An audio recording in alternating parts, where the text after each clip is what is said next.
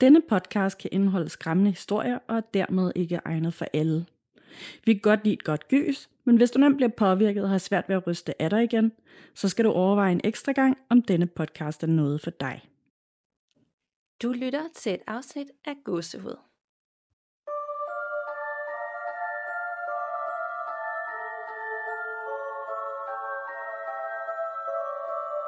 Hej Danika. Hej Nana. Og hej til alle, der sidder og lytter med derude, og velkommen til episode, er det 128, vi nåede til nu? Det er det. Der er godt gang i det med hver uge, så det, det, det går hurtigt med det tal.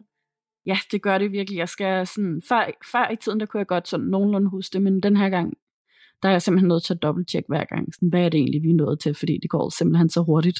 Det gør det, og vi snakker jo også sammen hele tiden, fordi det er hver uge, ikke? Så det er også det der med, hvad der er sket siden sidst. Nogle gange sidst kunne der jo gå tre uger, ikke? så virker det som, der var sket alt, og nu går der så kort tid, sådan, hvad er der egentlig sket? Ja, det er det. Især hvis man har sådan lidt travlt, eller der sker meget i ens liv og sådan noget, så er det jo ikke sikkert, at man lægger mærke til så meget. Nej.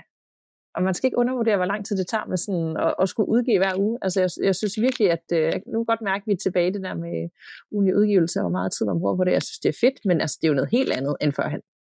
Ja, det må man sige. Altså, det, øh, nu er der ligesom gået så ud hver dag. Der er et eller andet, der sker med den her podcast hver dag. Ja, det fylder meget. Så, det gør det i hvert Så jeg håber, I værdsætter det derude, fordi vi bruger enormt meget øh, fritid på det, altså, som vi elsker. Men jeg håber også, at det bliver taget godt imod. Det håber jeg virkelig også. Er der sket noget siden sidst hos dig? Mm, nej, nej, det tror jeg faktisk ikke, der er. Øh, jeg sådan føler, at jeg er sådan, det nye år er et godt og roligt sted, og i dag skinner solen. Det er jo fantastisk, og foråret virker pludselig ikke så langt væk længere, og jeg er lidt syg, men det, det kan ikke slå mig ud, så jeg er bare sådan et godt sted. Så det er jo dejligt. Det er rigtig dejligt. Altså, jeg er øh, derimod totalt udkørt, fordi øh, jeg øh, var jo totalt ude i sidste øjeblik og sad og skulle researche det her øh, i går aftes, og brugte hele aftenen på det. Øhm, og var alene hjemme, fordi min kæreste han havde øh, nattevagt. Så jeg fik, øh, jeg fik skræmt livet fuldstændig af mig selv. Åh oh, nej. ja, altså jeg plejer ellers at være sådan rimelig hardcore. Nu havde jeg så også, der er kommet en ny sæson af American Horror Story på, øhm, på øh, Disney+. Plus. Den er virkelig god, den nye sæson i øvrigt. Kan varmt anbefales. Øhm, og havde også det kørt i baggrunden, og de har sådan et øh, meget uhyggeligt også øh, lyddesign. Øhm, og så øh, har vi jo for en gang skyld endelig igen et øh, emnebaseret øh, afsnit i dag. Så, øh, så det jeg sad og læste, det var, det var mega uhyggeligt, og jeg fik simpelthen skræmt livet så meget af mig selv, at jeg først faldt i søvn her ved øh, femtiden i morges. Mener du seriøst det? Ja, det er helt vildt. Altså fordi, at lige pludselig, så følte jeg, at der var skygger over alt, og små lysglimt og sådan noget. Det har altså bare været lysindfald fra naboer og biler og hvad ved jeg, ikke? Men altså, jeg, jeg, var, jeg, var, jeg var helt ude af den. Og du skal endda ud og rejse i aften. Ja, det har nok også spillet lidt ind. Jeg hader at flyve, så der har også nok været sådan lidt, ja. lidt angst der. Ja, okay. Ja. Nu glæder jeg mig ekstra meget til at høre, hvad du skal fortælle om, fordi emnet i dag er jo netop noget, vi har haft med før, øh, og det var faktisk din idé, at vi skulle tage det med igen, og der har været stor efterspørgsel på det. Det er nemlig uhyggelige og overnaturlige ritualer og spil. Nemlig. Og øh, vi har taget en hver, og begge to er faktisk øh, anbefalet af den samme lytter, som har skrevet til os på Instagram.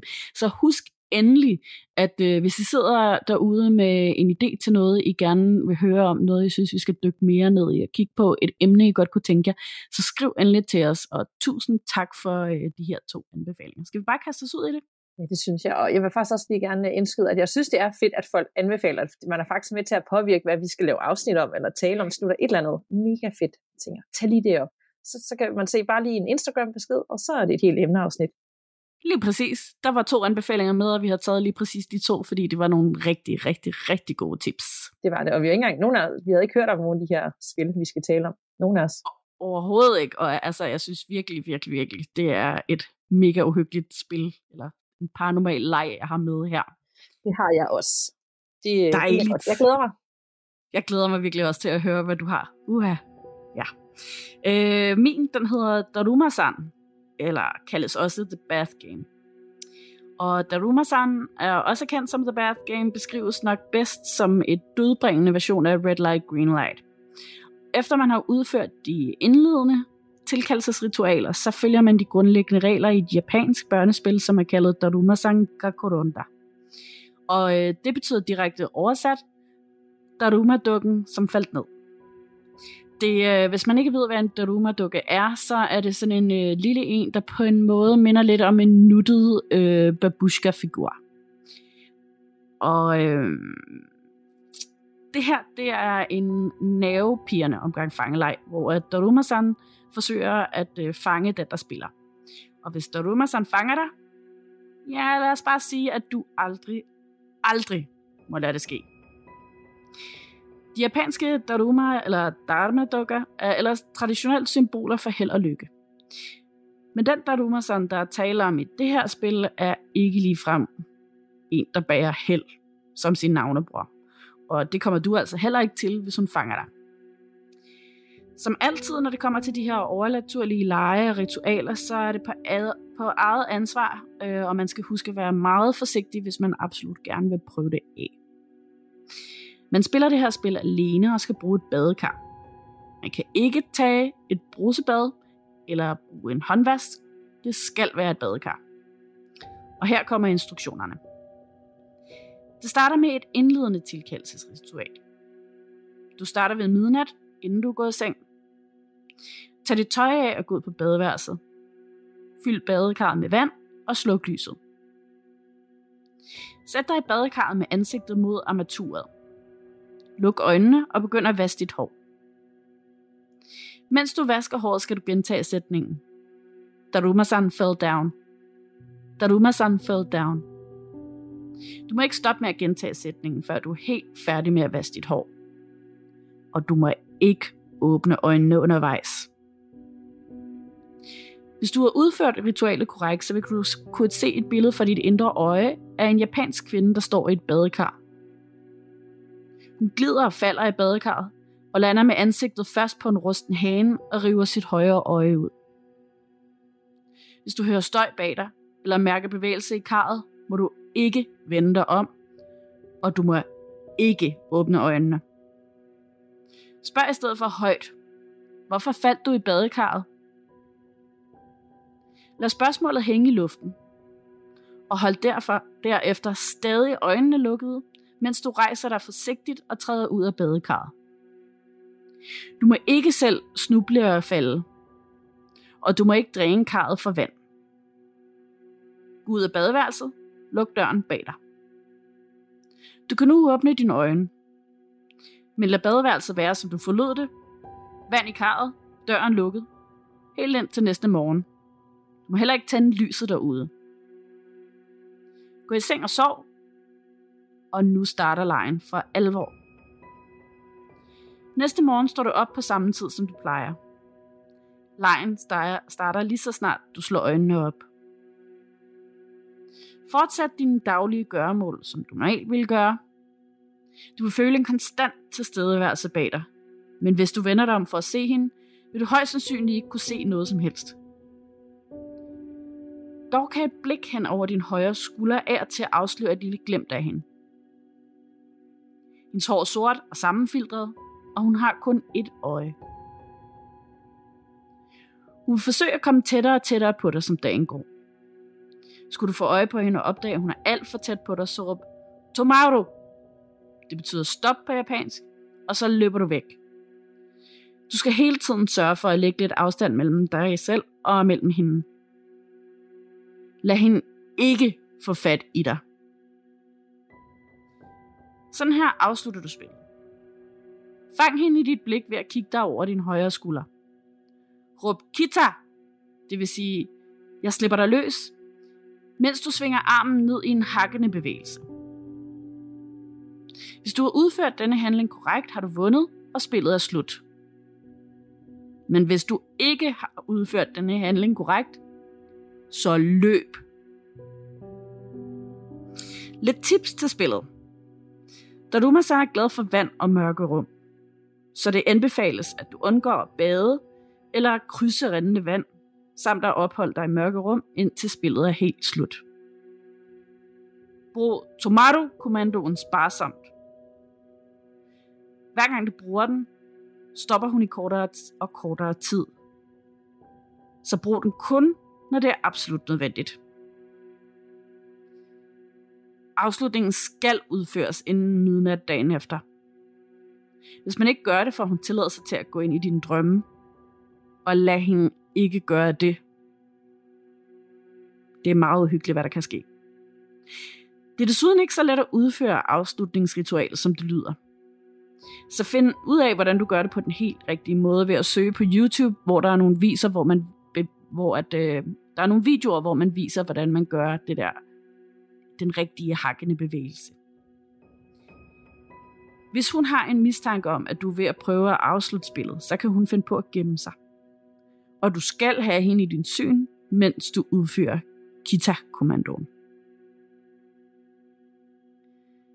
Omkring gentagelser af spillet, så anbefales det ikke, at du spiller det her spil mere end én gang. Hvis du spiller det igen en anden gang, så vil hun begynde i den samme position, som hun var i ved afslutningen af det forrige spil.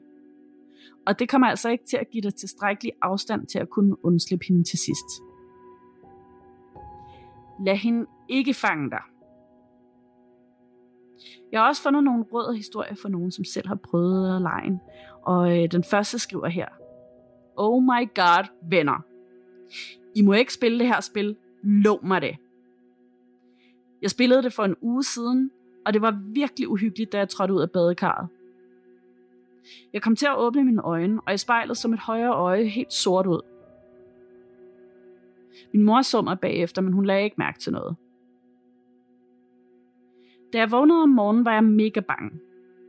Jeg troede egentlig ikke, at spillet var i gang, fordi jeg var kommet til at åbne øjnene. Men det var det. Jeg råbte, Tomato! En million gange den dag, bare for en sikkerheds skyld. Jeg fik travlt i løbet af dagen og glemte spillet. Men så mærkede jeg nogen røre ved mit hår, og mine øjne begyndte at klø. Jeg besvimede og drømte om en grim kvinde med et øje. Jeg vågnede op på sundhedsplejersken på skolen, og siden da har mine pupiller været meget store og helt sorte. En anden person, som er bruger på Reddit og kalder sig Crooked Soul, har afprøvet flere paranormale lege og skriver om sin oplevelse med Daruma-san. Hej Reddit, det er mig Jude, jeg er tilbage igen. Jeg ved, at det bogstaveligt talt er en evighed, siden jeg har postet noget, så jeg må vist hellere krydse fingre for, at I ikke har glemt mig, eller antager, at jeg er faldet død om, eller noget af den stil. Jeg er tydeligvis i live, og har det godt, ikke så godt, som jeg gerne ville have det. Men jeg har været igennem noget skørt personligt noget. Men den her weekend fik jeg endelig lejlighed til at udføre endnu et ritual. Denne gang valgte jeg Daruma-san, a.k.a. The Bath Game. Dette ritual kommer fra Japan og handler i bund og grund om at lege gennemleg med ånden fra en dame, der døde i et badekar. Jeg besluttede mig for denne leg, fordi den ikke involverede blod eller andet mystisk, og instruktionerne virkede ret simple, så jeg har ville prøve den længe. Da man bruger en stor del af tiden på at løbe væk fra Darumasan, eller hvad man nu skal kalde det, besluttede jeg mig for at vente til en weekend. For jeg er ret sikker på, at jeg ville få nogle virkelig mærkelige blikke, hvis jeg midt i min team vendte mig om og råbte Kita! Og dermed begynder min beretning. Fredag aften stormede det udenfor. Det var det perfekte vejr til en god, hyggelig gyserfilm, eller endnu bedre, et ritual. Jeg havde haft lyst til at prøve Daruma-san et stykke tid, så jeg besluttede mig for det som en pludselig indskydelse. Hvis jeg lægger mig til at sove lige efter jeg har vasket mit halvlange hår, så bliver det kæmpestort og helt ustyrligt, når jeg står op. Og det bryder jeg mig ikke om. Så for at undgå at skulle glatte det, plejer jeg at gå i bad tidligt om, om aftenen og fordi jeg er en natteravn, går jeg først i seng omkring klokken 1 eller 2 om natten. Desværre kunne jeg jo ikke vaske tidligt, når jeg skulle følge ritualet. Så jeg besluttede mig for at tage et bad omkring kl. 1 om natten. Jeg slukkede lyset og begyndte så at vaske mit hår som sædvanligt. Jeg sagde, Daruma-san fell down flere gange og brugte melodien fra en af mine yndlingssange som et beat. Jeg lukkede mine øjne, mens jeg gjorde det. Og så så jeg noget, der var lidt ligesom en film. Det var en dame, som vaskede sit lange mørke hår. Daruma-san. Pludselig gled hun, og vandhanen på hendes badekar røg ind i hendes øje. Hun vendte sig mod mig, mens blodet løb fra hendes tomme øjenhul. Jeg lagde mig ned og skyllede mit hår, og så snart jeg var færdig, satte jeg mig op. Straks faldt temperaturen omkring mig, og jeg følte, at nogen stirrede på mig i nakken. Jeg forsøgte at skjule frygten i min stemme og spurgte, Hvorfor faldt du i badekarret? Jeg var lidt rystet. Jeg stod derefter ud af karret og skyndte mig ind på mit værelse til sikkerheden i min seng. Normalt tager det mig i hvert fald et par minutter at falde i søvn, men jeg var for bange for at holde mig vågen. Og jeg overvejede ikke engang, at jeg stadig var nøgen og våd. Så jeg faldt hurtigt i søvn. Jeg vågnede næste morgen ved, at min mobil ringede, og det var min mor, som ringede til mig. Da jeg kom i tanker om, at jeg var midt i ritualet, sprang jeg ud af min seng og skyndte mig at tage tøj på og gå nedenunder. Heldigvis gik lørdagen med at shoppe sammen med min mor. Vi tog selvfølgelig til det lokale indkøbscenter, hvilket var helt fantastisk, fordi hun normalt giver mig lov til at gå rundt på egen hånd. Men jeg var indrømme, at jeg var bange for, at Daruma ville få fat i mig i bilen. Det gjorde hun heldigvis ikke. I indkøbscenteret sagde min mor farvel og gik ud for at gøre sin indkøb, og for første gang i lang tid besluttede jeg at forkæle mig selv med en manikyre. Men det pussy er, at den fyr, der lavede min negle, og det pussy er, at han var asiat, han blev ved med at sende mig nogle mærkelige blikke, som om der var noget galt med mig. Da min negle var færdig, gik jeg rundt et par minutter, før jeg endelig gik ind i en butik. Jeg var i et omklædningsrum og var i gang med at prøve noget tøj, da jeg igen følte, at der var noget bag mig. Det var umuligt, at der skulle kunne være nogen bag mig derinde, så det måtte være Daruma-san. Forsigtigt kiggede jeg over min højre skulder, og der var hun. Jeg lavede et akavet karateagtigt move og råbte, Kita! Den følelse af uro, som jeg havde følt hele dagen, var pludselig væk. Så ja, jeg kan bare sige, lad være med at lege den her leg. Jeg er lidt paranoid, og jeg kan blive rigtig nervøs, når jeg føler, at der er nogen bag mig. Og endnu en gang vil jeg også lige understrege, at jeg var heldig med den her leg, og fik afsluttet den korrekt. Og måske hjalp den keltiske halskæde, jeg havde på os. Men uanset hvad, prøv ikke det her selv. Det er ikke sjovt, og som et hvert andet ritual er det langt fra sikkert at gøre. Tak for nu, Jude. Og øh, jeg vil lige sige her til sidst, at øh, der, der, der er masser af kommentarer til, det, øh, til den her leg øh, rundt omkring på internettet, og man kan også finde en masse YouTube-videoer, hvor der er nogen, der ligesom prøver at dokumentere, at de udfylder ritualet. Øh, og øh, så er der jo også nogen, der pointerer, at det er en japansk leg, og det er jo en japansk kvinde, så det, så det jo virker jo også lidt åndssvagt, at man enten råber på, øh, på engelsk eller dansk eller et eller andet. Så, så man kan også sagtens rimelig nemt finde det, man skal råbe på. Øh, altså, øh, Daruma-san fell down. Det kan man nemt få oversat til japansk, og så sige i stedet for. Men det har jeg altså ikke lige taget med, fordi jeg synes, at hvis I selv vil prøve det derude, så kan I også godt selv finde det. Forståeligt nok. Hvornår var det her spil fra? Altså, hvor gammel var det? Øhm, det har jeg ikke fundet noget, der daterer tilbage til desværre. Jeg sad bare og tænkte på, om det havde inspireret til nogle film. Altså hele det der setup med, hun er i badekarret, eller det sådan mere er kommet efter, at der har været mange af de der japanske gyserfilm. Altså, jeg vil næsten tro, at det er kommet efter, fordi øhm, det jeg søgte på, det var, det var meget sådan noget øh, creepypasta og øh, Reddit og alt sådan noget, så jeg vil næsten tro, at det er sådan lidt en, øh, en internet urban legend, der er opstået lige pludselig. Øhm, også fordi, at det sådan, det, det minder meget om mange andre ting. For eksempel også et follows, det der med, at man aldrig må, den aldrig må få fat på en også. Ikke? Og den minder egentlig også på mange måder om, om nogle af de andre lege, blandt andet One Man Hide and Seek og alt sådan noget. Jo, ikke? Ja, det er vildt det der med, når sådan en overnaturlig ritual i Japan, så er det bare så next level voldsomt. Ja. Altså det skal foregå i noget vand, og hun skal have sort langt hår, og det der med det ene øje og sådan noget. Altså det, meget kreativ på en eller anden måde. Ja, det er det virkelig. Altså, jeg er meget voldsomt det der med, hun må ikke få fat på dig. Der er ikke nogen, der kan fortælle, hvad der sker, hvis hun får fat på dig. Øh, men, øh, men ja.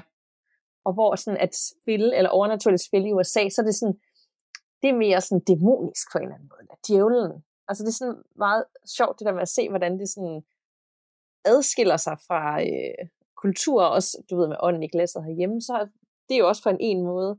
Så har man ligesom The Elevator Game, som er, oprind- er det egentlig oprindeligt fra Asien, eller du USA? Nu bliver helt i tvivl. Ja, det ved jeg faktisk heller ikke. Nej, det ved jeg heller ikke. Men så omvendt, så det spil, du taler om, øh, det har bare sådan, man kan nærmest genkende det på forhånd. Hvis du ikke sagde, hvor det foregik, så vil jeg jo sige, at det, det har en oprindelse derfra. Ja, det, det, det, altså det, det, det passer meget godt ind i hele den der japanske folklore omkring øhm, øh, fortabte og forpinte sjæle, øh, folk, der er gået bort på tragisk vis, eller på sådan en voldsom måde, at øh, de bliver sådan lidt ondskabsfulde ånder. Ja, netop. Ja. Men, men mega creepy. Og hvis man ikke fik gjort det ordentligt og sagt det der, så vil hun for evigt hjemsøge en i drømmene om at være mareridt, og hun vil forfølge en. Ja, enten det, eller også så, øh, så vil hun slå en ihjel. Øh, øh, altså jeg sådan får den vibe, at det er så voldsomt, hvis man ikke sådan slipper af med hende, at øh, så slår hun en ihjel, mm. eller et eller andet. Ej, det var du også, vi skal linke til nogle af de der uh, YouTube-videoer. Helt sikkert. Gruppen, hvor sådan, man viser den, også sådan, helt konkret, hvordan der skal til, eller nogen, for nogle gange er det noget andet, når man også har sådan et billede på, nogen, der har prøvet det, eller de sådan beskriver det på en eller anden måde. Det er sådan noget, jeg selv kan nørde vildt meget, og sådan stene videoer om, hvordan der var ledes, og så bliver det bare ekstra hyggeligt. Nemlig det er underholdende. Uh, så er vi i gang. Det er hvad du yes. skal prøve det i det badekar nede, øh, når du skal på ferie. Ja, altså, øh, umiddelbart bliver det nej tak herfra. øh, og jeg synes, jeg blev egentlig også ret lettet over det der med, sådan, du kan ikke bare bruge et brusebad eller en håndvask i stedet for. Fordi så jeg havde det sådan, nå, fint nok, så... Øh, jamen, det kommer jeg jo så ikke til, fordi at jeg har ikke noget badekar her. så det er faktisk en god ting, at jeg har et badekar. Ja, det er det. okay, er du klar til endnu et overnaturligt ritual? Ja, jeg har virkelig glædet mig til at høre om det. Øhm, og det er jo også fra samme lytter, der har tippet os om det her spil, og det hedder The Staircase Game. Øhm, det skulle efter sigende være et af de mest uhyggelige, og nærmest på niveau med The Elevator Game, som vi talte om, eller jeg talte om for virkelig mange afsnit tilbage. Det har næsten været tilbage i afsnit 11. Øh, man ved ikke præcis, hvornår The Staircase Game blev opfundet, eller præcis hvem der fandt på ritualet ligesom dit spil, men en ting er sikkert, det buner med creepy beretninger, hvis man øh, søger online. The Staircase Game er lavet til folk, så de kan finde ud af, om der var overnaturlig aktivitet i deres hjem, eller endnu værre, noget dæmonisk eller ondt. Og her er præcis, hvad du skal bruge for at spille spillet, og det er ikke så lidt. Det er faktisk et af de meget omfattende spil. Du skal nummer et bruge en trappe, deraf The Staircase Game, og det skal helst være en trappe med 12 eller 13 trin, men du kan gøre det med op til 16 trin. Det er frarådet stærkt, at du bruger en trappe med 17 eller flere trin, eller en trappe med 11 eller flere trin. Så du må i gang med at tælle, hvis du skal spille spillet. Nummer 2. Du skal bruge en lille bærbar ventilator, og gerne en, der kører på batteri. Nummer 3. Du skal bruge en kop vand. 4. En håndfuld snavs. 5. Et strinlys og sørg for, at det er et, der ikke let brænder ud, og så skal du selvfølgelig bruge noget til at tænde det med. Nummer 6. Du skal bruge et billede af dit hus eller lejlighed fra det blev bygget, eller det ældste du har omhandlende dit hjem. Nummer 7. Så skal du også bruge et billede af dit hjem, som det er nu. Nummer 8. To terninger. Nummer 9. To uger, og meget gerne analog. Digitale ur kan gå an, Nummer 10, så skal du også bruge en madoffring, og det skal være et animalsk produkt.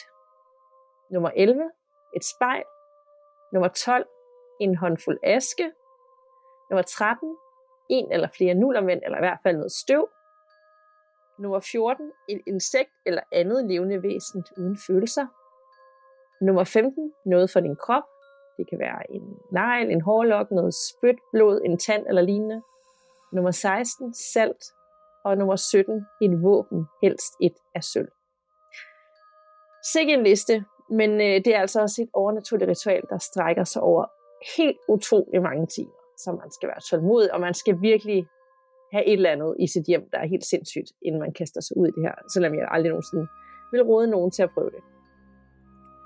Du skal starte med at forberede trapperne, og du skal være opmærksom på den nøjagtige tidspunkt, hvor du begynder lejen, og du skal gerne begynde i løbet af eftermiddagen, da hele ritualet skal afsluttes i de sene timer. På det første trappetrin skal du placere den lille ventilator, men tænd den ikke. Mens du gør det, skal du sige, her er luften, som de døde indånder. På det andet trappetrin skal du placere glasset med vand, og mens du gør det, skal du sige, her er det vand, som de døde drikker. På det tredje trappetrin skal du placere en håndfuld snavs, og prøv at sprede det bredt ud. Og mens du gør det, skal du sige, her er jorden, hvorpå de døde står. På det fjerde trappetrin skal du placere sterinlyset, men ikke tænde det. Det du har tænkt at tænde lyset med, ligger du ved siden af. Og mens du gør det, skal du sige, her er ilden, der brænder de dødes hænder. På det femte trappetrin skal du placere billedet af dit hjem fra fortiden. Og mens du gør det, skal du sige, her er den tid, der er kommet. På det sjette trin placerer du billedet af dit hjem, som det er nu, og kaster terninger ved siden af. Bed for dig selv, at det ikke kommer op på et højt tal. Og mens du gør det, skal du sige, her er nuet, og terningerne er kastet. På det 37. trin skal du placere et af dine uger. Og mens du gør det, siger du, her kommer fremtiden, tiden tigger nu. På det 8. trappetrin skal du placere din madoffring. Og mens du gør det, skal du sige, her er offringen til djævelens mund. På det 9. trappetrin skal du placere spejlet. Og mens du gør det, skal du sige, her er mit billede, jeg stoler på Guds velsignelse. Og bemærk, uanset om du er kristen eller religiøs eller ej, skal du sige den linje, sådan, som den er formuleret her, uden nogen form for tøven eller forbehold. På det 10. trappetrin skal du placere asken og støvet, og mens du gør det, skal du sige, her er dødelighed, aske og støv. På det 11. trappetrin skal du placere dit insekt, og sørg for, at den ikke kan komme væk, for det skal være levende. Mens du gør det, skal du sige, her er et liv, jeg præsenterer for dig. På det 12. og sidste trappetrin skal du placere tingene for din krop, og mens du gør det, siger du, og her er essensen hentet fra mig. Træd op for enden af trappen og vend om. Tegn en salgstreg hen over kanten af trappen afsatsen og sig følgende højt. Ikke længere end her. Lad nu din genstand stå natten over. Og denne aften bør du ikke bemærke noget mistænkeligt eller bekymrende. Hvis du gør det, skal du afbryde ritualet ved at lægge en cirkel af salt omkring hver genstand, omkring din seng, såvel som andres senge i dit hjem. Hvis du ikke bemærker noget mistænkeligt eller bekymrende, og er i stand til at få en god nats søvn uden mareridt, så er ritualet officielt trådt i kraft. Når du ønsker det, kan du fuldføre det. Og det vil forblive i kraft, så længe alle genstande forbliver på trappen. Bemærk dog, at ingen af genstandene bør have lov til at falde ned fra deres trin eller overlappe nogle af de andre trappetrin, så lad ikke salt, snavs, aske eller støv vælge ud på en anden trappe, og efterlad ikke andet end disse genstande på trappen. Ved at udføre det her ritual, så har du forvist alle overnaturlige og dæmoniske væsener i dit hus eller lejlighed til første sal. Og de skal forbi de 12 forbandelser, du har sat på din trappetrin, før de kan komme til dig. Og tro mig, når jeg siger, at hvis de ikke allerede foragtede dig før, så gør de det nu. Undlad også unødvendige ture op og ned af dine trapper efter solnedgang, da det svækker forbandelserne. Afhængig af, hvor stærke dine overnaturlige dæmoniske væsener er, holder disse forbandelser måske ikke mere end par netter. Så snart du begynder at bemærke selv den mindste aktivitet, skal du straks overveje at fuldføre ritualet. Og øh, ligesom det tidligere spil, Nana taler om, så kan det her ritual ikke forstærkes eller ved at gentage det. Og hvis du sover på første sal, så lav ritualet baglæns, så start fra toppen af trappen i stedet for bunden, og alle de samme regler gælder. Og øh, en ekstra god ting at vide, selvom det hedder The Staircase Game, det er, at hvis du ikke har trapper der, hvor du bor, så kan du lave det samme ritual i en lang gang, så længe du tydeligt kan se de 12 opdelinger. Du kan markere det med tape eller linjer med salt, øh, hvilket vil skabe en stærkere barriere, eller decideret tegne med blyant på gulvet. Og udfør ikke dit ritual udenfor, og slet ikke i et lille lukket rum. Sådan fuldfører du ritualet. For at fuldføre ritualet, vi antager, at du har mærket en eller anden aktivitet, og, øh, og nu skal det væk, så anbefales det, at du får alle ud fra dit hjem. Så lad den overnatte på et hotel eller noget. Du skal nemlig gøre det her helt alene. Stå på det nøjagtige sted, hvor du den første dag sagde, det er herfra, hvorfra jeg skal begynde, på nøjagtigt samme tidspunkt, hvor du oprindeligt sagde den linje, da du indledte ritualet. Og sørg for at have dit våben i hånden. Du skal nemlig stå der den første time, og du må ikke bevæge dig eller blive flyttet. Og dine fødder skal forblive plantet på plads. Så snart den første time slutter, træder du op på trappetrinet med ventilator. Tænd den så hurtigt som muligt og lad den køre hen over trappen. Bevæg dig ikke i hele den anden time, og du skal stå med fronten mod toppen af trappen og vend dig ikke under om nogen omstændigheder om eller se bagved dig. Så snart den anden time slutter, træder du op på trappetrinet med en kop vand. Drik hele glasset med vand så hurtigt som muligt, og bevæg dig ikke fra de her trin i hele den tredje time. Så snart den tredje time slutter, træder du op på trinet med snavset. Dine fødder skal begge være inden for bunken af snavs, som du smed på trappen.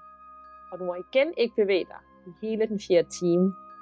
Stå med fronten mod trappen og vent dig overhovedet ikke om på noget tidspunkt. Så snart den fjerde time slutter, træder du op på trinet med sterinlyset på og tænder det. Du kan stå ved siden af det, eller du kan holde det op til dit ansigt. Du skal bare sørge for, at det ikke går ud, og du må ikke bevæge dig. Så snart den femte time slutter, træder du nu op på trinet med billedet for længe siden. Uden at vente om, skal du bruge sterinlyset fra den sidste trappe til at brænde billedet. Du må ikke blæse flammen ud, før billedet er blevet forvandlet til aske, eller du i det mindste ikke kan se længere, hvad billedet forestiller.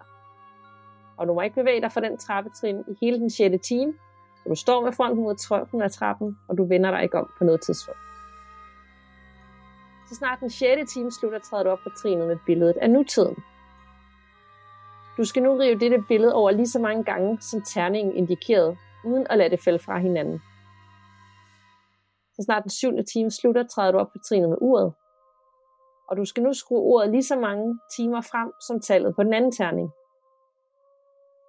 Så snart den 8. time slutter, træder du op på trinet med mad, offringen, og det kan være der i et par dage, så forhåbentlig er det ikke gået helt galt, for du skal nu tage en bid af det og sluge. Og du skal spise det, som om du synes, det er lækkert, selvom det er pænt ulækkert. Og igen må du ikke bevæge dig på trinet i hele den 9. time, og du skal kigge op mod fronten af trappen, og du må ikke vente om. Så snart den 9. time slutter, træder du op på trinet ved spejlet. Kig ind i spejlet og se kun på dit eget ansigt. Brug ikke spejlet til at kigge bag ved dig. Og uanset hvad du ser i spejlet, må du ikke kigge væk. Så snart den 10. time slutter, smadrer du spejlet og træder op på trinet med asken og støvet. Du skal drøbe øh, en dråbe blod på den, og det skal være dit eget blod, og det skal være frisk. Igen må du ikke bevæge dig fra trappen i hele den 11. time. Så snart den 11. time slutter, træder du op på trappen med det lille insekt. Dræb det, og bevæg dig ikke væk fra den trappe i hele den 12. time. Stå med front mod toppen af trappen og vent dig ikke om. Så snart den 12. time slutter, træder du op på trinet med tingene for din krop. Du skal sluge den helt, hvad end du har valgt, og du må ikke vaske det ned med noget. Så snart den 13. og sidste time slutter, træder du ind på det sted, hvor du reciterede ikke længere end her. Sørg for at have dit våben i hånden. Vend dig om og kig og se, hvad der venter. Held og lykke. Og det var altså de her ualmindelige mange regler og trin, øh, der er i The Staircase Game. Og øh, derfor så vil jeg, ligesom mange andre spirituelle spil, Elevator Game, Staircase Game, alt det vi har talt om tidligere, eller bare ånden i glasset, så anbefales det altid at undgå at spille disse spil, uanset hvad grunden bag måtte være. Der er simpelthen ingen grund til at lege med ilden, så hold dig til at høre om den her i gåsehud, eller læse om den, google det, se YouTube-videoer. Det er i hvert fald øh, vores anbefaling. Og øh, nu fordi ritualet var så omfattende, så kommer jeg til at linke til beretninger med det Staircase Game, fordi der er ualmindeligt mange, og der er også rigtig mange YouTube-videoer, der øh, beskriver for folk, der har prøvet det, og hvordan det er gået. Så øh, det kan man også bruge en masse tid på. Hvad tænker du, Nana? Skal du, øh, skal du prøve det, efter du har prøvet dit øh, badekarspil? Nej, det bliver simpelthen også nej tak herfra. Og øh, øh, gudskelov, for, for altså nogle gange kan jeg godt blive sådan, for eksempel øh, The Elevator Game og sådan noget, øh, især på grund af det der mysterie, der var med hende der, jeg, jeg, jeg har glemt, hvad hun hedder i USA, der, mm. øh, ja. Øhm, jeg kan godt blive lidt fristet af det, men lige det her, der er simpelthen for mange trin. Det er lidt ligesom, når man skal spille et nyt spil med sine venner, og skal have forklaret reglerne og sådan noget, at øh, sådan, det, det kan jeg overhovedet ikke overskue. Og så det der med, at når det, altså det, det er simpelthen så specifikt, så jeg tænker også, hvem pokker har fundet på det her? Og hvor mange, hvad har de sådan eksperimenteret med, sådan, hvordan har de fundet ud af, at der skal være noget for din krop, og et insekt, og sådan æblet, og, og, og i så mange timer, og sådan, altså, og, og ja, hvad, hvad er der sket undervejs, hvor de har fundet ud af, at det her skal man ikke gøre? Ja, jeg var også en hel del research til det. Jeg tror aldrig, jeg har skulle research til noget, der var så omfattende. Jeg vil så sige, at jeg har nu er jeg ligesom virkelig læst meget om det, så jeg har ret godt styr på det. Men ja. jeg skulle stadig igennem hele det der med, at en ting er at gøre det helt klar og sætte tingene. Okay, det kunne ja. jeg godt. Men når jeg så skulle udføre ritualet og stå en time, altså det er jo, det er jo, altså jeg kan jo ikke gå. Jeg kan ikke gå på toilet, jeg kan ikke spise, jeg må kun få et glas vand, og jeg skal spise nogle klamme ting undervejs. Ja, øh. det er virkelig ulækkert. Altså, altså man skal virkelig også sådan, tænke på, hvad det er for en insekt, man øh, tager, og hvad det er for ens eget øh, jeg sad og tænkte undervejs, hvad ville jeg egentlig vælge for min egen krop, og jeg tror, det ville måtte blive en fingernegl, så. Og det skulle du så sluge? ja. Bare sådan en lille bitte stykke, ikke? Fordi, ja. hvad skulle det ellers være? Sådan ørevoks, hår, bussemand, eller en... jeg ved det, det er heldigvis ikke noget, øh, at, øh, at vi skal ud i, men jeg tænker, jeg fik sådan helt kult vibes, eller sådan, der har været et eller andet satanistisk ritual, der er nogen, der synes, det her, det opfinder vi. Øh, for det er nærmest, det her det er jo ikke sådan, at jeg er sådan lidt nysgerrig på, hvad der findes på den anden side, og det er sådan en gemmeleg. Det her det er jo sådan, jeg mistænker, der er noget virkelig dæmonisk i mit hjem, og øh, nu vil jeg gerne af med det, eller få det frem, eller det skal forvises til første sal og skal være der. Øh, det er sådan meget specifikt, og der tænker jeg, kunne man ikke, øh, kunne man ikke have ringet til nogen i stedet for? Ja, jeg tænker også, der må være en meget lettere måde at gøre det på. Og jeg tænker også, hvis man selv vil prøve det der, så skal man nok ikke gøre det i en opgang, hvis man bor i en lejlighedsbygning, fordi at, øh, der er trappevask og, og alt sådan noget der. Så, og folk så. må ikke gå forbi for meget. Nej. Og det vil også være sygt mærkeligt, hvis man gjorde det en opgang i København.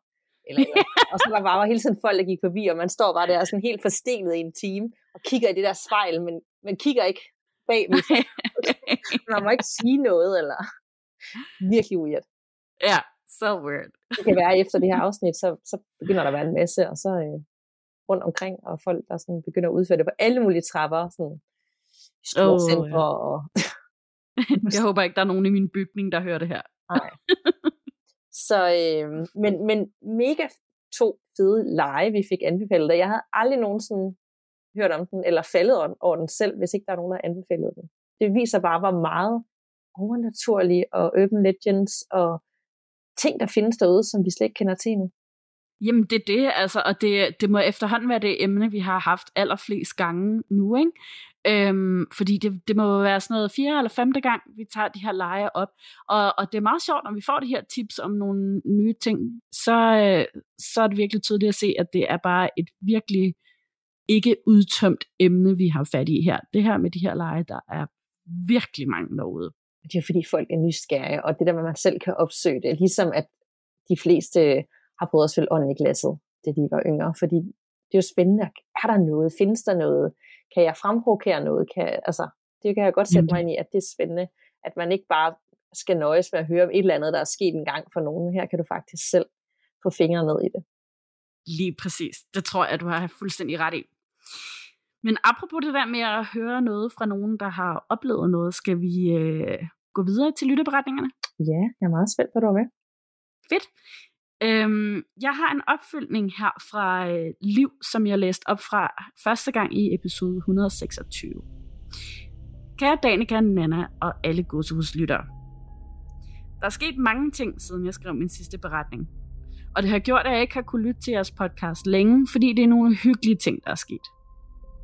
Men nu tænker jeg, at det er rette tid, da der endelig er kommet lidt ro i hytten.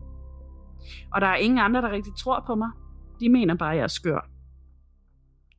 Jeg har denne gang tre beretninger, og efter mine tre sidste, så håber jeg, at jeg også kan bruge dem her. Disse tre foregår alle i mit og min kærestes hus, så jeg får lige en hurtig beskrivelse af det. Vi er i gang med et kæmpe renoveringsprojekt, men er snart færdige. Huset har en stueetage og første sal, og i stuegangen er der flisegulv. Men lige der, hvor trappen er til første sal, er der nu et dårligt klikgulv, som er ved at gå op. Ovenpå er der en dør ind til vores værelse. Alt gulv er reddet op, så lige nu er der kun plader, som larmer en del, når man går på det. Og nu til mine beretninger. Jeg havde haft fri et par dage og gik rundt og lavede alt muligt i huset, nogle gange med min far. En dag, da min far kommer herud, har jeg været i gang ovenpå og havde fyldt en pose med plastikflasker. Halvanden time efter jeg havde været ovenpå, står vi i stuen, da jeg hører noget falde ned på gulvet ovenpå. Min far hører det også og siger, wow, fordi han godt vidste, hvilke tanker jeg havde. Der gik ikke mere end to minutter, så kom den samme lyd igen. Jeg var meget bange for at gå ovenpå, men jeg gjorde det selvfølgelig sammen med en af mine hunde, så jeg ikke skulle derop alene. Der så jeg to flasker, som lå på gulvet. Men podelsen var fuldstændig, som jeg havde stillet den. Jeg ved ikke, om det var efter, jeg havde rørt ved den, og at der så er to flasker, der har ligget løst, eller om det var noget andet. Men jeg synes, at det var mærkeligt, at posen stod, som jeg forlod den, og at der gik halvanden time, før de faldt ud. Jeg har oplevet to eller tre gange, at det har lyttet som om, der er en skrue, der er faldet på gulvet ovenpå, imens jeg var nedenunder. Men når jeg så er gået derop, har der været intet at se. En aften, da jeg er hjemme omkring klokken midnat, spørger min kæreste, om jeg har oplevet noget, at det har lyttet som om, at der er noget, der er faldet på gulvet ovenpå. Men at der så ikke har været noget at se, når man kom derop. Jeg sagde jo selvfølgelig ja masser af gange. Min kæreste tror ikke rigtigt på det overnaturlige, men vil meget gerne lytte og fortælle, hvis han har oplevet noget. Denne her er lidt kort. Jeg ligger i min seng med kæresten ved siden af. Jeg føler mig tryg, men lige pludselig går døren til vores soveværelse en lille smule op. Den kan bare skubbes op, men det gør den kun, når der er gennemtræk, og den her aften havde vi intet åbent. Jeg vågner, men kigger kun på skrækken. På sprækken. Det bliver koldt, og jeg føler virkelig, at der er nogen, der stiger på mig. Jeg vender mig om, så jeg ligger mod min kæreste, men føler stadig nogle stikkende øjne, som ser på mig. Denne beretning er nok den, der har skræmt mig allermest. Det hele starter en weekend. Jeg tror, det var en lørdag, og min kæreste skulle afsted til kursus om søndagen, og skulle være væk en uge, så jeg var helt alene hjemme. Min kæreste var så sød at gå ud og kigge til fyret, inden han tog afsted, så jeg ikke skulle tænke på det. Jeg står inde i huset ved vores trappe, hvor der er en dør ud til laden, som vores fyr er i. Døren er åben på min højre side, og lige pludselig hører jeg et hallo ved mit venstre øre. Og selvom der var en tydelig og høj mandestemme, som var lige ved siden af mig, så tænker jeg, at det nok er min kæreste, der kalder, og at lyden har fordrejet sig på en eller anden måde. Jeg går ud til ham og spørger, hvorfor han råber hallo. Min kæreste ser mærkeligt på mig og siger, at han intet har sagt. Der fik jeg virkelig gåsehud. Den nat falder min kæreste i søvn før mig, og så hører jeg fodtrin. De kommer fra etagen nedenunder. Jeg kan nemlig høre det dårlige klikgulv. Jeg slukker for lyden på min mobil og lægger helt stille. Klokken er et eller andet sted mellem 11 og halv 12. Ligesom jeg tror, at det bare er gulvet, der er givet sig, bliver det ved, og så kan jeg høre fodtrinene komme op ad trappen. Det lyder som om, de springer et trin over hver gang. Jeg stivner fuldstændig, fordi jeg er så bange. Fodtrinene er langsomme, og de kommer tættere og tættere på døren ind til vores soveværelse. Men så kan jeg høre, at de først går mod det ene vindue, som er på højre side ude i det store rum, og så går han, jeg er nemlig sikker på, at det er en mand, over til den anden side, hvor der bliver puslet med noget. Og så stoppede det hele pludselig. Jeg ligger helt stille i nogle minutter og kan høre, hvordan mit hjerte hamrer. Jeg tror faktisk først, at det er min far, som er kommet ud for at drille mig, da jeg har fortalt ham historien fra tidligere med råbet.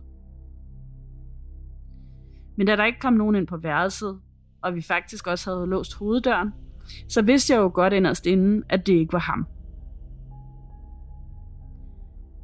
Jeg bander over mig selv, fordi jeg ikke vækkede min kæreste, men falder hurtigt i søvn igen.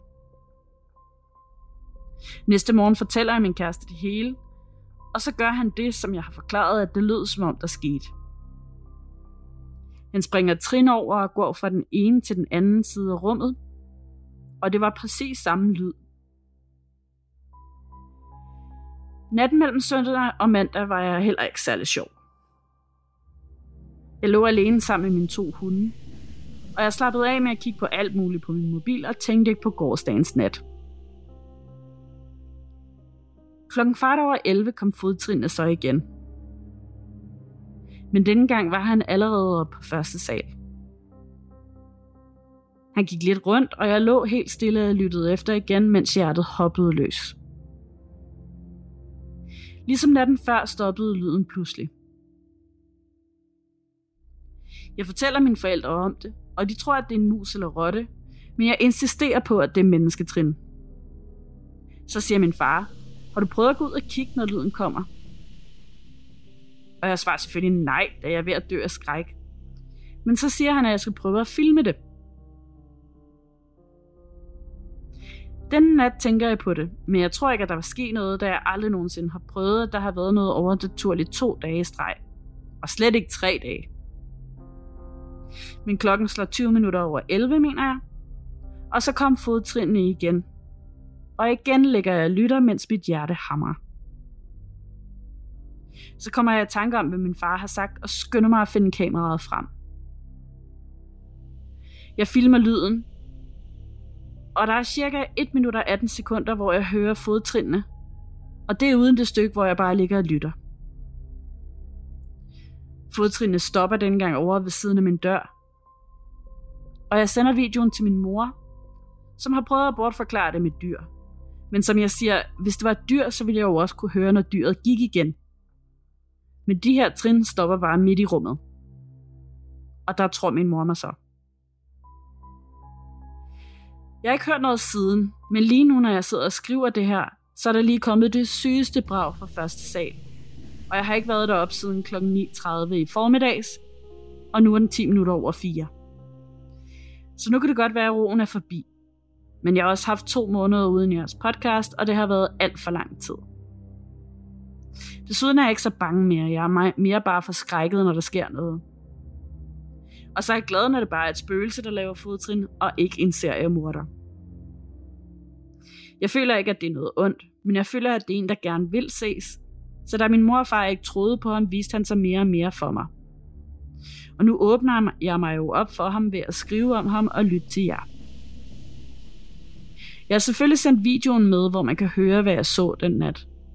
Eller hvad jeg hørte den nat, så I også selv kan høre det.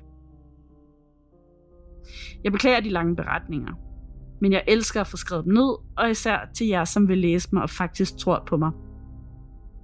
Bliv ved med at gøre det, I gør. I er fantastiske. Mange hilsner, Liv. Der er simpelthen en video med. Ja, der er sådan en video, den er helt sort, der er ikke noget billede med, men øh, jeg har selvfølgelig lyttet til den. Og jeg kan også godt høre noget, der lyder som fodtrin. Jeg har igen det der med, at, at jeg godt kan lide, at det kan bortforklares. Så, så man kan sikkert godt sige, at det, at det bare er gulvet, der giver sig, men det lyder faktisk virkelig som fodtrin. Ej, hvor vildt. Det er ikke så tit, vi får decideret dokumentation med. Nej, overhovedet ikke. Gud, så spændende. Jeg kan godt lide hendes kommentar med, at, øh, at jeg er glad for, at det bare er følelser, ikke en seriemorder. Altså nogle gange sætter lige tingene i perspektiv, når man kører sig selv helt op i en spids, og det er det værste, der kunne ske, og man er helt ud af den. Men det kunne jo faktisk være et rigtig øh, ondt menneske, der en noget. Men det er bare et følelse. Nemlig, ja, eller en indbrudstyv, eller et eller andet helt, ja, ja, netop. Altså, det kunne sagtens være meget værre end et eller andet spøgelse, der bare gerne lige vil ses. Ja, Men hold nu op i mange forskellige oplevelser, og jeg kan godt forstå, et, at hun både er blevet meget cool omkring det, fordi der har været så meget, men to, det er også skræmt hende i øjeblikket.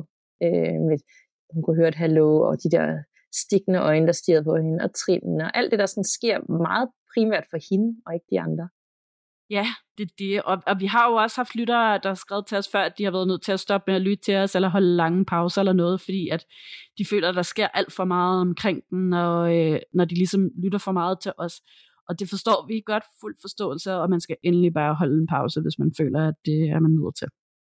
Det kunne være interessant. Det kan være, at jeg lige skal gøre det, når det her afsnit udkommer. Høre, hvor mange har egentlig følt, at deres oplevelse med det overnaturlige er blevet mere sådan intensiveret, efter de begynder at lytte til os, og har ligesom fokus på det, og lidt opsøger det, og hvor mange lytter egentlig bare med, uden nogensinde har haft en oplevelse. Måske tror de ikke engang på det, de synes bare, det er ligesom at se en gyserfilm, whatever, ikke?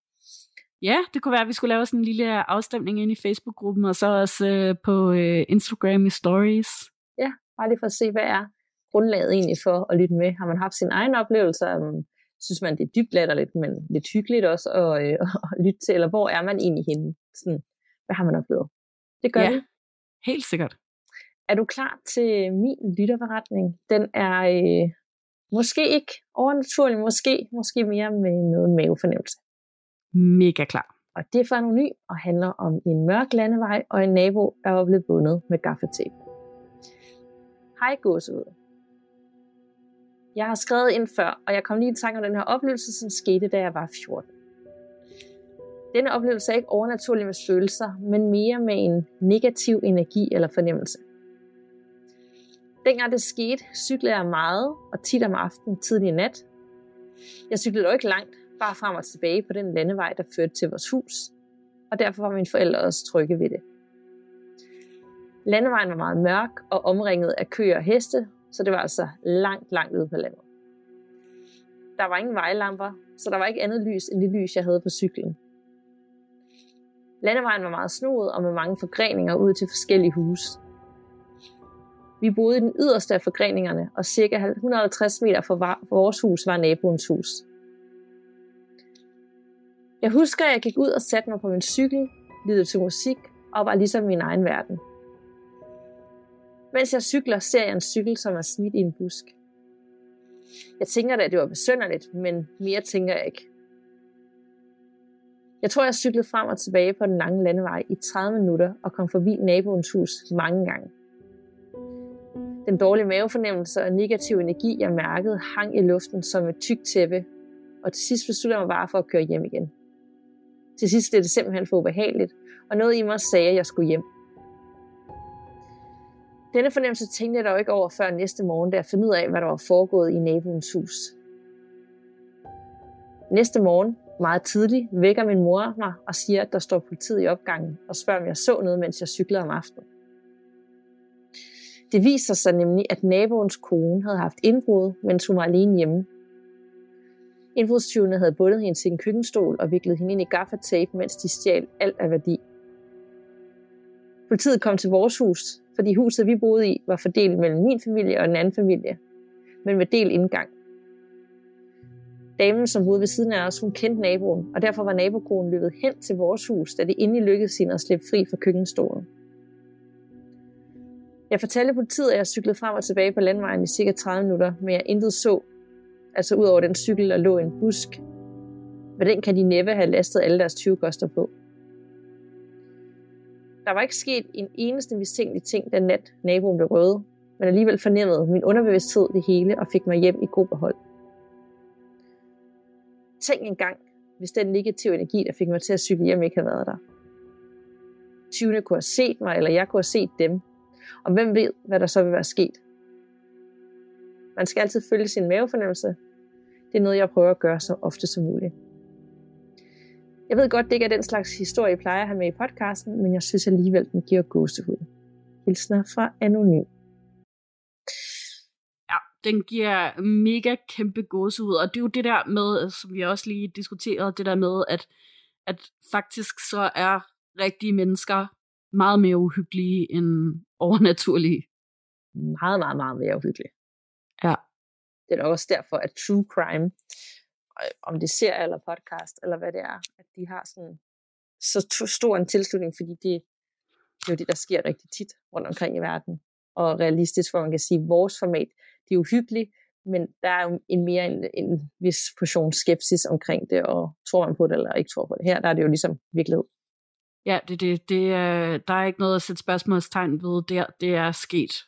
Det, jeg synes var vildt, det var, at men det er jo klart, når man bor ude på landet, så, og man vil cykle, så er du nødt til at cykle på landvejen. Jeg synes var det vildt, at hun sådan ligesom havde sådan et fast ritual med at cykle øh, hver aften, når det var sådan rigtig helt mørkt og nærmest tidlig nat, og så bare cykle frem og tilbage i den her snoede øh, landevej i komplet mørke. Ja, det, altså det er en meget modig person. Altså fordi jeg er også vokset op ude på landet, øhm, men, men altså jeg turde ikke cykle rundt øh, i mørket derude. Det gjorde jeg absolut ja. ikke om aftenen. Det tog dårligt nok gå ture. så det er jo virkelig en, en modig lytter, vi har med at gøre, så derfor kan jeg også godt sætte mig i det, hvis du så føler noget er off eller galt, eller din mavefornemmelse siger, at du skal være hjem, er et eller andet, der ikke er, som det skal være Altså, så er man virkelig også in tune med sig selv. Det er da mega fedt, at man sådan ligesom, okay, jeg er cool, jeg kan normalt godt det her, det generer mig ikke, men nu lige i dag, der, der skal jeg bare hjem. Ja, helt sikkert. Så altså, hvis man får sådan en der øh, indskydelse eller fornemmelse, så følg den altid. Og det gælder uanset om øh, du er ude at cykle på en mørk landevej, eller det er dit job, du har fået tilbudt, eller ham eller hende, du, du ser, om du skal gøre det eller ej. Præcis. Det lyder aldrig.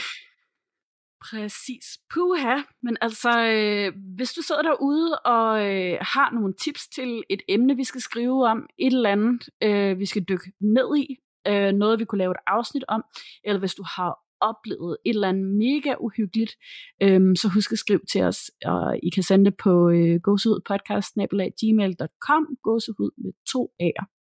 Nemlig, og, øh, og mega fedt, hvis man har lavet en lille videooptagelse af, af noget af det, man har oplevet. Det er ikke nødvendigt. Og så må man også godt indtale det øh, selv, hvis man gerne vil det. Det er nemmere måske end at skrive. Jeg kunne se, der lige var kommet ind i indbakken faktisk. Ikke en, jeg lige har yes. det igennem nu, men en, der selv har indtalt øh, sin lytterberetning. Så jeg tror på, at øh, det kommer vi til at se mere og mere. Så hvis nogen har mod på det, man kan jo gøre det bare ned i sin telefon. Øh, de fleste har en app, hvor man lige kan optage sin lydfil, og det er fin kvalitet. Så gør man må man meget gerne gøre det. Helt sikkert, ja. Vi vil elske at høre med jeres egne stemmer også, hvordan, øh, hvordan I har oplevet det. Skal vi lige have gåsehudstip med, inden vi slutter af for i dag? Ja, yeah, det skal vi. Skal jeg starte? Yes. Yes. Øh, jeg anbefaler en film på Disney Plus, som hedder The Barbarian, og det er egentlig lidt tid siden, den er kommet ud, og lidt tid siden øh, jeg har set den. Men øh, det er sådan en, der øh, faktisk har sat sig. Jeg føler, det er sådan en lidt øh, en blanding af genre. Det handler om den her kvinde, som øh, har øh, en jobsamtale i en anden lille by, og så har hun lejet et hus øh, over Airbnb eller noget af den stil. Men da hun så dukker op til huset, så øh, bor der allerede en.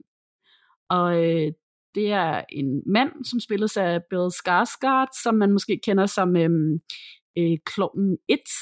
Øh, og han, han, øh, han er bare rigtig god til at spille de her uhyggelige roller.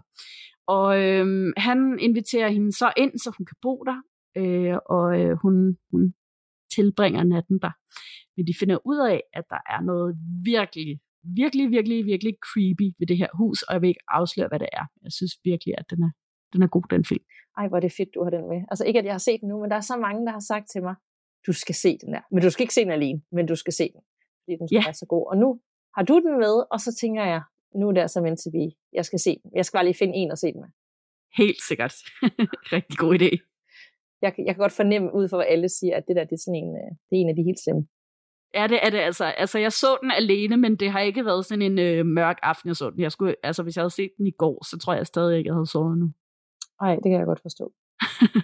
Nå, men altså mit gåsødstip er også en film, men det er ikke en film, der er udkommet endnu, så det er måske lidt slød, men det er fordi, nu har vi haft om overnaturligt spil, og øh, jeg kan huske, der for nogle måneder tid siden var en, der delte, at The Elevator Game bliver lavet til film nu. Det er rigtigt, ja. Og den kommer i 2023. Jeg kan ikke huske præcis hvornår. Det er nok ikke lige i morgen. Men den kommer altså i år. Og den er selvfølgelig baseret på hende vi ikke kan huske, hvad hedder, så spiller det her øh, elevator game i på et hotel, øh, jeg tror det er Cecil Hotel, Hotel Cecil, kan det være? Ja, det kan øh, godt I USA, og forsvinder. Der sker nogle mystiske ting. Og øh, ja, jeg glæder mig helt enormt til det. Jeg håber ikke at have for høje forventninger, fordi den rigtige historie er jo så uhyggelig i sig selv, at nogle gange så kan det jo også skuffe, hvis det ligesom skal gengives på film. Ja, det er rigtigt. Øh, jeg glæder mig virkelig også til at se den. Er det, kan det passe, at hun hedder Elisa Lam? Elisa Lam, ja. Det er rigtigt. Yes, yes, yes, yes. Og der er jo, der er jo også en ekstra anbefaling, den her dokumentar omkring det på øh, Netflix, hvis man øh, gerne lige ja. vil genopfriske det. Måske kan det godt ende med at blive lidt en skuffelse. Man har jo faktisk de optagelser på elevatoren, hvilket er vildt, at de figurerer alle steder, hvor hun står og trykker. Altså, at det har været lovligt, at de kunne komme ud til hele verden, lige inden hun skulle ja. dø. Ja, det er det. Øhm, men altså, vi må se, hvad det bliver til. Jeg synes bare, det er vildt, at den sag har fyldt så meget, at den faktisk bliver filmatiseret nu. Ja, det er, men hold nu op, altså det er også det vildeste mysterie, og det er, det, det er stadig en, der også bare sådan hjemsøger mig i mit baghoved. Det der med, at man, man aldrig kommer til at finde ud af, hvad, hvad der rent faktisk skete for hende den, den aften. Nej, og hvordan hun endte der, hvor hun endte. Ja. Ej, fuha. Nå. Ja. Sikkert afsnit om overnaturligt spil, og to øh, uhyggelige lytteopretninger, og lige et par gåsødstip. Og så, øh, du skal jo til at pakke nu, for du skal med en flyver senere. Men ja. øh, der går jo ikke længe, inden vi vender tilbage med endnu et nyt afsnit, for nu er det jo hver tirsdag, at vi udkommer. Og øh, det er fantastisk, synes vi selv. Yes, jeg glæder mig allerede til næste gang. Det bliver godt. Yep. Så tak, fordi I lyttede med derude, og tusind tak for snakken, Nana. I lige måde. Vi lyttes ved, og pas på derude. Man ved jo aldrig, hvad der venter bag den næste dør.